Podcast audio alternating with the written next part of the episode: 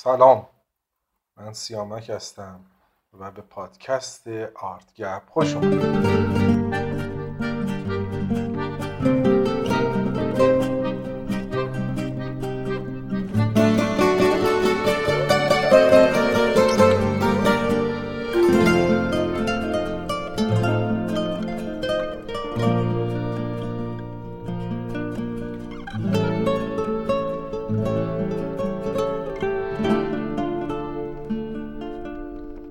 خدمت دوستان عزیز پادکست آرت گپ. قسمت اول برنامه است. من نمی‌دونم از چه طریقی با ما آشنا شدین مقدمه ما رو شنیدین یا از هر طریقی که ما رو پیدا کردین. خیلی خوشحالم که در خدمتون هستم و صدامو میشنوید. آرت گپ قراره که یه پادکستی باشه درباره هنر، عکاسی و خلاقیت. یعنی حول و حوش این سه تا موضوع و اتفاقات پیرامونی این سه تا موضوع در حالات مختلفی صحبت بکنه. قسمت اول یک مقدمه ای رو داشتیم که معرفی کلی بود ولی قسمت اول برنامه رو بیشتر اختصاص دادم به این سوال که ما عکاسی رو از کجا شروع بکنیم. تجربه سال تدریس به من میگه که این مسئله خیلی خیلی مسئله مهمی یعنی بچههایی که می‌خوان شروع کنن و بیان داخل میدان عکاسی حالا به دلایل مختلف یا می‌خوان فان کنن کیف کنن لذت ببرن سرگرمی شغل دیگری دارن و این رو می‌خوان در کنار اون انجام بدن. یا اینکه نه اصلا به صورت حرفه‌ای می‌خوان واردش بشن یه سردرگمی عجیبی وجود داره که من سعی می‌کنم توی این پادکست یه راهنمایی کوچیکی بکنم برای کسانی که می‌خوان استارت کنن اینکه از کجا شروع کنن و چه مسیری رو طی بکنن که بتونن به یه نتیجه مطلوبی برسن. فرقی نمی‌کنه که دلیل ورود شما چیست. شما به هر دلیلی که بخواید وارد دنیای عکاسی بشید. بخواید تجارت کنید پول در بیارید لذت ببرید. شغلتون هست مثلا در کنار شغلتون نیاز پیدا کردین که یه گوشه کارتون رو با عکاسی بگذرونید. شما سه تا درس رو باید به این ترتیبی که میگم شروع کنید به یاد گرفتن. یک مبانی عکاسی. دو مبانی ویرایش تصویر و سه مبانی ترکیب بندی. یعنی شما این سه تا درس رو اول از همه باید یاد بگیرین و بعد از اون می‌تونید تا همین حدی که یاد گرفتین در همین حد مبانی نگهش دارین. نه می‌تونید ورود کنید به دوره های پیشرفته تر دوره های تکمیلی یا دوره های تخصصی. اما برای شروع کار هر کسی که می‌خواد دست به دوربین بشه باید این سه درس رو یاد بگیره. مبانی عکاسی یعنی اینکه شما یاد بگیرین چگونه این دوربین دیجیتال رو که دستتون هست ازش استفاده بکنید. یک نوردهی درست داشته باشید. شاتر رو ایزو و دیافراگم و مثلث نوردهی رو کاملا بتونید تنظیم کنید. حالت منوال دوربینتون رو بتونید کار بکنید.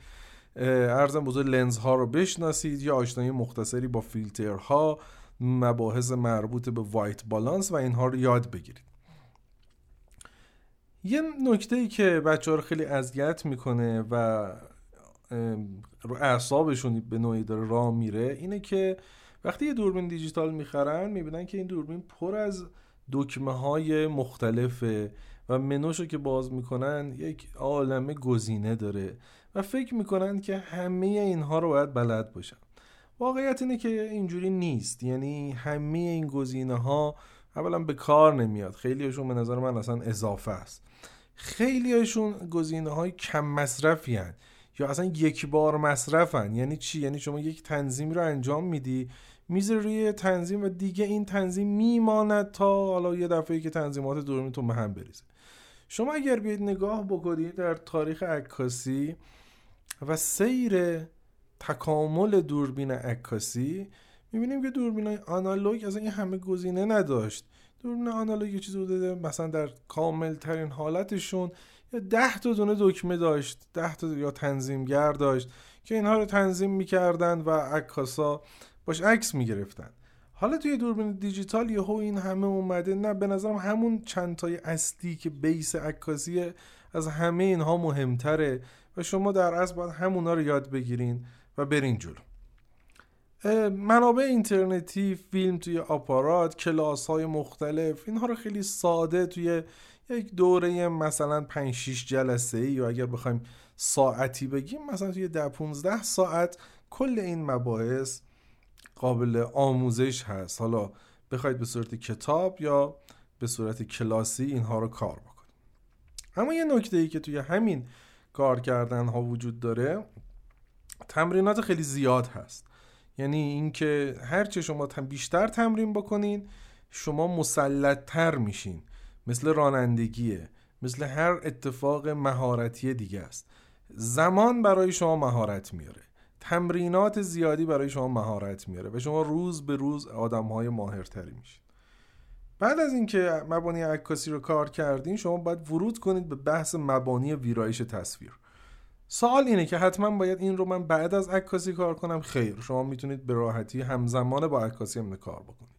یعنی مثلا من یه سری کلاسایی داشتم که این بچه ها همزمان می اومدن کلاس. یعنی وقتی دوره جامعه بود وقتی ثبت نام می‌کردن یک روز در هفته مبانی عکاسی داشتن یک روز در هفته مبانی ویرایش تصویر. یا اصطلاحا می‌تونیم بهش بگیم post processing اصطلاح درستتر ویرایش تصویر post processing هست. خب غول این نرم افزارهایی که این کار رو انجام میده در دنیای دیجیتال فتوشاپ هست و Lightroom Camera Raw و این نرم افزارهای از این دست. اینجا یه سوء تفاهم خیلی بزرگ رو باید برای شما حل کنم. و اون اینه که خیلی ها اعتقاد دارن که تصویر باید خام باشه. تصویر باید همان چیزی باشه که دوربین می‌گیره. نباید توی تصویر دست برد. من به شخص اصلا اعتقادی به این جریانات ندارم. یعنی عکسی که شما می‌گیرید یک عکس خام هست. بعد از اون شما نیاز به این دارید که این رو ببریدش در محیط نرم افزارهای مختلف و حالا همونهایی که اسمش آوردیم مثلا فتوشاپ و شروع کنید اونجا مراحل post processing تون رو انجام بدید post processing یعنی چی؟ یعنی اینکه مثلا شما از یک منظره ای عکس گرفتین که یک چمنزاری است خیلی وسیع به رنگ سبز و یک مقدار آسمان آبی اون بالای کادرتون وجود داره که ابرهای خیلی قشنگی هم در اون آسمان هستند. شما این عکس گرفتین. ولی اون دوربین شما آیا اون چمنزار رو به همون شکل ثبت کرده؟ یا رنگ آبی آسمونتون همونیه که باید باشه؟ کنتراست یا تضاد یا اختلاف تیرگی روشنی ابرها در آسمان همونی که بود الان هست؟ جواب نه. جواب خیره. post processing یعنی این که بعد از اینکه من عکسی رو گرفتم باید یک دستی به سر و گوشش بکشم. ما اینجا منظورمون مونتاژ نیست. منظورمون دستکاری در عکس نیست. یک درختی رو ببریم و بذاریم اون وسط نیست. منظور ما تنظیم کردن و بالانس کردن همون واقعیت چمنزار و آبی آسمون و کنتراست اون ابرها در اون آسمانه.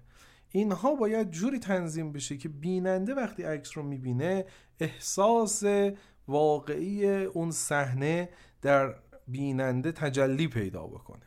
پس برای همین ما به post processing نیاز داریم. اما این که من درختی رو ببرم بذارم یا دستکاری های خیلی پیچیده ای داخل عکس بکنم این به معنای ژانر خاصی از عکاسی است. و چون هر دوتای اینها توی فتوشاپ انجام میشه ما فکر می‌کنیم که نه نباید دست بزنیم. در که نخیر شما می‌تونید این دست بزنید ولی خیلی سعی کنید که اون روح رئال تصویرتون روح واقعی یا مستندگرایانه تصویرمون هم حفظ بشه. پس شما حتما حتما برای از مبانی عکاسی یا همزمان با مبانی عکاسی دوره post processing یا ویرایش تصویر رو با نرم افزار فتوشاپ باید یاد بگیرید و کار کنید. بعد از اینکه این دوتا رو کار کردین حالا چه موازات هم چه دنباله هم برای اینکه ما بتونیم عکسای زیباتری بگیریم. تا این مرحله شما به فن خیلی وارد شدید و شما خیلی آمادگی ثبت یک عکس رو پیدا کردید. اما همچنان عکسای شما عکسای زیبایی نیستند. عکسهای تاثیرگذاری نیستند. شاید خیلی از عکسای شما اون توجه خاصی رو که مخاطب باید بهش جلب بشه رو جلب نمیشه. نتیجه شما باید با یک موضوعی آشنا بشید که ما بهش میگیم ترکیب بندی. کمپوزیسیون یا قاب بندی یا کادر بندی همه اینها به یک معناست. ما شاید کلمه ترکیب بندی یا کادر بندی رو بیشتر بشنویم. بعضی وقتها مثلا کلاس هایی که خود من برگزار می‌کنم اینجوریه که چند جلسه از کلاس مبانی عکاسی رو هم اختصاص میدیم به دوره ترکیب بندی ولی خود مبانی ترکیب بندی یک بحث خیلی کاملی است. تحت عنوان مبانی هنرهای تجسمی هم ازش یاد میشه. چون قوانینی که اینجا گفته میشه در این بحث ترکیب بندی با قوانینی که در مثلا عکاسی ببخشید در گرافیک یا در نقاشی داره رعایت میشه یکیه. اینها تمام قواعدی است که چشم می‌خواد به در هنرهای تصویری ببینه و رعایت بکنه و باش ارتباط بگیره. زبان ارتباط تصویری زبان ارتباط چشمی است. قواعد بسیار زیبایی است و بعد از اینکه شما اینها رو یاد گرفتید اون مبانی عکاسی post processing حتما حتما باید بیایید این کمپوزیسیون و ترکیب بندیتون رو هم قوی بکنید. کتاب های خیلی خوبی هست داخلش. در آینده من حتما کتاب ها رو معرفی می‌کنم. کلاس های خوبی هم هست. می‌تونید شرکت بکنید و جز مباحثی هم هست که دائم باید کار کنید دیگه. یعنی شما شاید یه سری مباحث اولیه رو خیلی زود راحت بفهمید ولی مبحث ترکیب بندی جز اون چیزی که تمرین داره و هر لحظه که فکر می‌کنی خیلی وارد شدی خب می‌تونی روش تو عوض کنی ترکیب های مختلف و جز مباحثی که تا انتهای عکاسی شما باهاش کار دارید پس کسی که می‌خواد ورود بکنه به دنیای عکاسی این ستا رو میگذرونه. در هر لول و ساعتی که می‌خواد باشه. اگر کسی برای دل خودش اومده عکس بگیره و عشقی می‌خواد عکس بگیره به نظرم همینجا کفایت می‌کنه. دیگه نیازی نیست بیشتر از این چیزی یاد بگیره و بره فقط همین پایه های این کار رو قوی تر بکنه. اما اگر کسی هست که می‌خواد خیلی تخصصی تر ادامه بده اون موقع می‌تونه تازه بیاد ورود کنه به کلاس های تکمیلی یا کلاس های پیشرفته یا هر اسمی که مثلا من برای کلاس های خودم اسمش رو گذاشتم کلاس های عکاسی تجربی. خیلی همون اول کار میگن که ما به فلان چیز علاقه داریم. من میگم که دست نگهدار این علاقه مندیت رو چون تو هنوز شاخه های مختلف عکاسی رو نشناختی. اجازه بده دوره مبانی عکاسی رو بگذرونی. بعد از اینکه دوره مبانی تموم شد حالا ممکنه تو با مشاوره دوستانت و مشاوره اون استاد یا معلمی که داری باش کار می‌کنی بتونی شاخه مورد علاقت رو پیدا بکنی. پس بعد از این دوره بعد از پیدا کردن شاخه تخصصیتون شما به راحتی می‌تونید ورود کنید به اون بحث های تکمیلی تر یا تخصصی تر سوالی که خیلی پیش میاد اینه که من کلاس ها رو به صورت عمومی طی کنم یا خصوصی یا نیمه خصوصی. من پیشنهادم غالبا کلاس های نیمه خصوصی و عمومی هست. خیلی کلاس خصوصی رو پیشنهاد نمی کنم مگر کسی که شرایط خاصی داره. مثلا می‌خواد در یک فرصت زمانی بسیار کوتاهی کاری رو انجام بده قصد مهاجرت داره دانشجو امتحان می‌خواد بده یا هر چیزی و اینها محدودیت زمانی دارن. ما میگیم که خب خصوصی. اما در غیر این صورت من کلاس های نیمه خصوصی با شرایط 5 6 نفر یا کلاس های عمومی با تعداد بیشتر رو پیشنهاد می‌کنم. چرا؟ به خاطر اینکه شما وقتی سر کلاس قرار می‌گیرین و در یک جمعی عکاسی رو یاد می‌گیرین خیلی چیزهای بیشتر میآموزید. شما از سوالات همکلاسی هاتون هم چیز یاد می‌گیرین. شما از اشتباهات دوستان دیگه چیز یاد می قرار نیست اشتباه رو تو مرتکب بشی. اصلا شاید تو در اون وضعیت نباشی. ولی وقتی دوست دیگری در کلاس همون کار رو انجام میده و اشتباه می‌کنه و میاره و استاد یا معلم شما حالا بعد روی این کلمه استاد و معلم صحبت دارم. شروع می‌کنه یک غلط گیری می‌کنه تصحیح می‌کنه یا کامنتی روی اون مسئله می‌گذاره. تو هم عملا داری اون شرایط رو تجربه می‌کنی بدون اینکه به قرار باشه برای. برای همین من پیشنهادم کلاس های نیمه خصوصی و عمومی است. و اگر شرایط خاصی دارید در کلاس های خصوصی شرکت کنید. در غیر این صورت نه. یک مسئله دیگه ای که پیش میاد اینه که پیش کی بریم؟ معلم یا مدرس خوب واقعا چه شرایطی داره؟ یک اتفاق خیلی ناراحت کننده ای که در این سالها افتاده به تناسب بقیه شغل هایی که گسترش پیدا کردن. خب عکاسی هم گسترش پیدا کرده. آتلیه ها خیلی زیاد شدند و طبعا مدرسین عکاسی هم زیاد شدن کسانی که ادعا می‌کنند که عکاسی درس میدن. ولی دردناکترین قسمت ماجرا اونجاست که مثلا من هنرجوهایی داشتم که اینها مثلا به اسم کلاس عکاسی پیشرفته اومدن پیش من. گفته من دوره مبانی رو گذروندم پیش فلان کس. اینقدر مبلغ هم پول دادم مبلغ قابل توجهی هم پرداخت کرده. و بعد که اومده سر کلاس من نشسته من می‌بینم که ایشون در الفبای ماجرا هم گیره. یعنی ابتدایی ترین مسائل براش گفته نشده. و بعد وقتی شروع می‌کنم اون مسائل ابتدایی رو میگم می‌بینم که اصلا این هنرجو که تعدادشون هم کم نبوده برق از چشماش پریده که اه مثلا مگه میشه همچین چیزی داخل دوربین باشه؟ میگیم که آره خب تو اینو باید تو جلسه دوم مقدماتی یاد می‌گرفتی. چطور یاد نگرفتی؟ بعد میگه که خب اون مدرس ما هم چیزی رو به ما نگفته. من در جا می‌فهمم که مدرسه خودش هم این کاره نبوده یعنی خودش هم بلد نبوده. خب چیزی هم ما طبعا نمی‌تونیم بگیم کاری هم نمی‌تونیم بکنیم. نظارتی هم وجود نداره. به غیر از اینکه این وسط اون هنرجو وقتش رو هدر داده و هزینهش هم رو هدر داده هیچ اتفاق بدی نیفتاده. من فقط می‌تونم دلسوزی کنم یا ناراحت بشم. و نتیجهش هم این شده که شروع کنم توی این پادکست هایی که مثل پادکستی که الان میشنوید و در آینده یه سری پادکست دیگه داریم. یک سری نکاتی رو خیلی آرام و پیوسته بگیم که بتونه راهگشا باشه.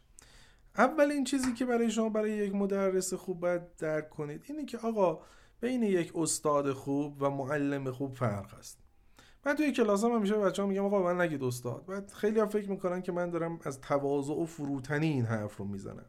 در صورتی که نه من واقعا آدم متواضعی هم نیستم ولی مثلا اینه که استاد یعنی کسی که استاد کاره. کسی که عکاسه عکاس خیلی خوبیه عکاس خیلی خبره و درجه یکیست. اهل فنه همه چیز رو خوب می‌دونه. این آدم استاده به تمام معنا استاده. ولی آیا همین آقا یا خانم استاد رو ما می‌تونیم بیاریم سر کلاس بگیم درس بده؟ من تجربهش رو خیلی دارم که اساتید خیلی بزرگی اصلا توانایی تدریس ندارن. نمی‌تونن بیان سر کلاس دو خط درس بدن. نه اینکه نخوان نمی‌تونن. تدریس کردن یک توانایی یک مهارته. همون مهارت به اصطلاح مهارت عکاسی کردن مهارت رانندگی کردن مهارت تدریس کردن. معلمن این آدم ها کسانی که خوب بلدن تدریس کنن اینها معلمن. برای همین ما میگیم که آقا من نگو استاد میگم پس شما چی میگم من معلمم. اگر در بهترین وضعیتش که بخواد من نمره بده مثلا میگن چون مثلا معلم خوبی یا معلم بدی است شما باید پیدا کنید کسانی رو که معلم های خوبی هن. کسانی که خوب می‌تونن درس بدن. اینها معلومه ازشون. شما هر کسی که خواست مثلا سر کلاسش بگید که من می‌تونم بیام بشینم یا از هنرجوهای سابقشون سوال کنید یا در فضای کاریشون وبسایتشون توی سوشال مدیاهاشون برید نگاه کنید. اینها کاملا معلومه کسانی که اون شم معلمی رو دارن یا کسانی که صرفا عکاسای خوبی هستن. من نظرم اینه برای دوره حداقل مبانی برای شروع کار شما بیشتر از اینکه به یک استاد نیاز داشته باشین شما به یک معلم نیاز دارید ولی ممکنه شما وقت داشته باشی و بری پیش یک استاد بزرگ به روش های سنتی که خاک حجره میخوردن و خاک بازار میخوردن و اینا. شما برید در کنار یک استاد بدون اینکه اون چیزی هم به شما درسی بده. برید خاک بازار بخورید خاک صحنه بخورین خاک حجره بخورین و کم کم کم کم از تجربیات اون استاد استفاده بکنید تا بتونید به یک نیروی خیلی خوبی تبدیل بشید به یک عکاس خیلی هر این روشش هم هست این روش مستلزم یک زمان بسیار طولانی است که شما در محضر اون استاد باشید. این روش که اونم سینه به سینه بگه. این روشی بوده که در گذشته خیلی هم جوابگو بوده. ولی امروزه با توجه به مشغله هایی که ما داریم همچین چیزی امکان پذیر نیست. ما نیاز داریم که بریم توی یک کلاسی ده جلسه دو ساعته دو ساعت و نیم سه ساعته بشینیم بیایم بیرون و اون چکیده مطلب رو اون معلم به ما یاد بده و ما بریم جلو. من فکر می‌کنم که خیلی مهمه که شما در این مورد بررسی بکنید یا ببینید که پیش کی دارید میرید. نکته مهم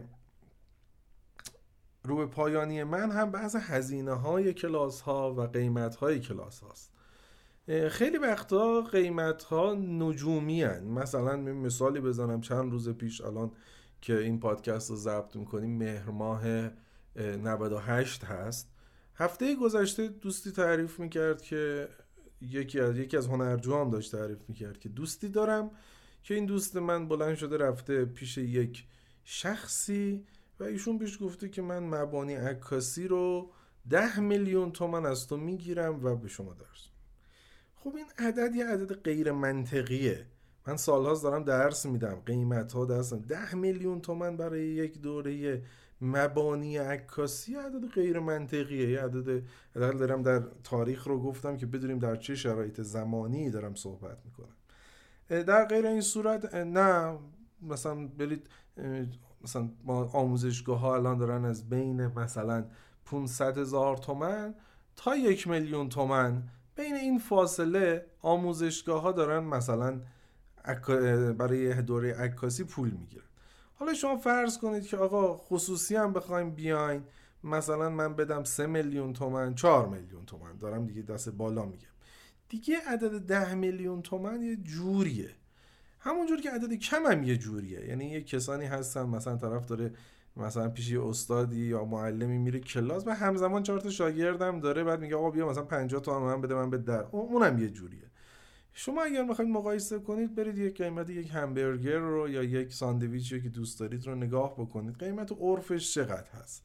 مثلا یک همبرگر از مثلا 15 تومن 20 تومن هست تا 50 تومن دیگه بین این طیف. اگر یکی بیاد به شما بگه آقا من یه همبرگر دارم به شما میدم 300 هزار تومن خب این یه, جایی که سوال پیش میاد. یکی هم بیاد به شما بگه من یه همبرگر به شما میدم ده هزار تومن یا پنج هزار تومن هم این سوال پیش میاد که این احتمالا مورد داره. خیلی ساده است. شما با یه جستجوی ساده اینترنتی در سوشال مدیاها یا چارت تلفن یا چارت آموزشگاه رفتن به راحتی قیمت عرف دستتون میاد. و می‌فهمید که قیمت عرف چیست. و اون کسی که داره قیمت علکی داره میپرونه حالا یا بالا یا پایینش رو به راحتی می‌تونید شناسایی کنید و از دایره انتخاباتتون خارج بکنید. پس اگر بخوام یه جنبندی بکنم شما حتما برای شروع کار به یک مبانی عکاسی نیاز دارید. مبانی ویرایش تصویر رو نیاز دارید. کلاساتون رو و مبانی ترکیب بندی کلاس ها رو من پیشنهادم کلاس های نیمه خصوصی یا عمومی است و معلمتون رو هم حتما شناسایی کنید. رزومش رو بخواید. ببینید در رزومش اگر در رزومش 50 تا جشنواره خارجی عکس گرفته یه داستانه. ولی در رزومش اگر در 10 تا 15 تا آموزشگاه معتبر رفته تدریس کرده یه داستان دیگه است. من نمیگم اونی که جایزه می‌گیره بده نمیگم اون استاد نه. اینا معلم نیستن. شما بگردید دنبال معلم هایی که خوب درس میدن. و در پایان هم قیمت رو هم که بررسی می‌کنید و دستتون میاد. امیدوارم تونسته باشم یک خلاصه ای از کل مسیر رو بگم یه راهنمایی باشه برای کسانی که می‌خوان شروع بکنن. در قسمت های بعدی یک فایل ویدئویی داریم که منتظرش باشید که بیاد در رابطه با چگونه یک دوربین بخریم و شرایط خرید دوربین عکاسی به چه صورت هست به صورت فایل ویدئویی می‌ذارم چون بعد چیزهایی رو نشون بدیم. و دوستانی که بزرگترین سوالی که هست اینه که ما چگونه از عکاسی پول در بیاریم یا دوستانی که می‌خوان ورود کنن به بازار کار و براشون مهم هست که پول در بیارن از عکاسی در چند قسمت برنامه های مختلفی دارم که شما می‌تونه راهنمای شما باشه که چگونه ورود کنید به دنیای حرفه عکاسی و شاخه های مختلفی که میشه درآمدزایی کرد و چندین مصاحبه با آدم های مختلف آدم های موفقی در ژانرهای مختلف عکاسی که بتونه راهنمای شما باشه. مرسی که گوش کردین. سیامک هستم در پادکست آرت گپ مهر ماه 98 هست. منتظر شنیدن پرسش هاتون کامنت هاتون هستم. شما هم منتظر قسمت بعدی این پادکست باشید. هر جای این دنیا که هستید در هر ساعتی از شبانه روز که هستید امیدوارم حالتون خوب باشه. وقتتون بخیر.